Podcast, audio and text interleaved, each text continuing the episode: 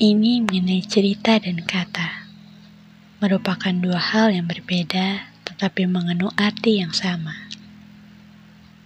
Mereka menyatu menjadi satu nada untuk didengar setiap manusia.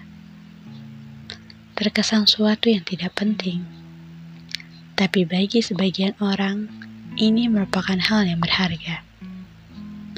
Di mana cerita menjelaskan bagaimana ia berproses dan bertumbuh, bagaimana ia jatuh kemudian bangkit lagi dari semua kejadian yang dialami.